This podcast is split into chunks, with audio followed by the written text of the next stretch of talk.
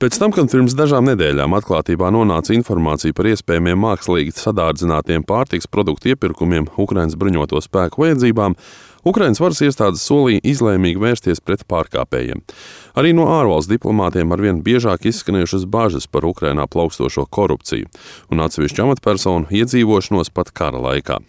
Rēģējot uz šiem paziņojumiem, kā arī redzot socioloģiskās aptaujas, kurās līdzās kara izbeigšanai par vienu no galvenajām prioritātēm iedzīvotājiem ir tieši korupcija, prezidents Valdimirs Zelenskis paziņoja, ka pavisam drīz sāksies pēdiņās sēdināšanas sezona un februāra pirmā diena ir kļuvusi par pirmo patiesi ražīgo dienu šajā cīņā. Proti, valsts izmeklēšanas birojas vakar veids pārbaudas Kijavas nodokļu inspekcijā un muitā, atstādinot abu organizāciju vadītājus.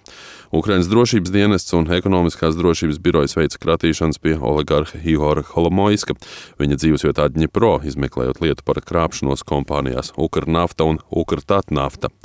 Pārbaudīts tika arī vairākas celtniecības kompānijas, izmeklējot savulaik ietekmīgā politiķa Viktora Medvečuka un citu sankcionēto personu līdzekļu iespējamo legalizāciju. Tāpat drošībnieki apmeklēja bijušo iekšlietu ministru Arsēnu Avakovu. Tur pārbaudīta lieta par helikopteru Airbus iepirkumu.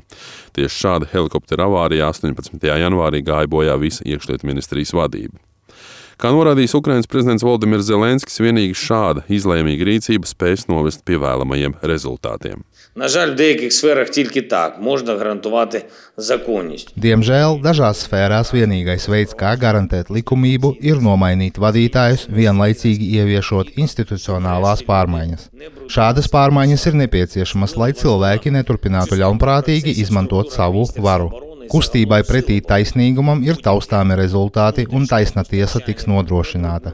Īpaši svarīga ir procesu caurskatāmība aizsardzības ministrijā un aizsardzības spēkos kopumā. Jebkuras iekšējās piegādes, jebkuri iepirkumi, visam ir jābūt absolūti tīram un godīgam. Līdzīgi kā tas ir ar mūsu ārējām drošības piegādēm. Tie, kuri šiem procesiem traucēs, nepaliks šajās struktūrās. Kā norāda gan Ukrāņu, gan Rietumu komentētāji, šādas paraugu prāvas un aizturēšanas Ukrainai ir ārkārtīgi nepieciešamas, lai parādītu pārējai pasaulē, ka valsts spēja efektīvi funkcionēt arī kara laikā. Cīņa ar korupciju un dažādu organizāciju vadības efektivitātes uzlabošana ir arī vienas no galvenajām prasībām Ukrainai uzsākot savu ceļu pretī dalībai Eiropas Savienībā. Un tieši šajās dienās Kīvā uz Eiropas Savienības un Ukrainas samitu ierodas Eiropas valstu un institūciju līderi.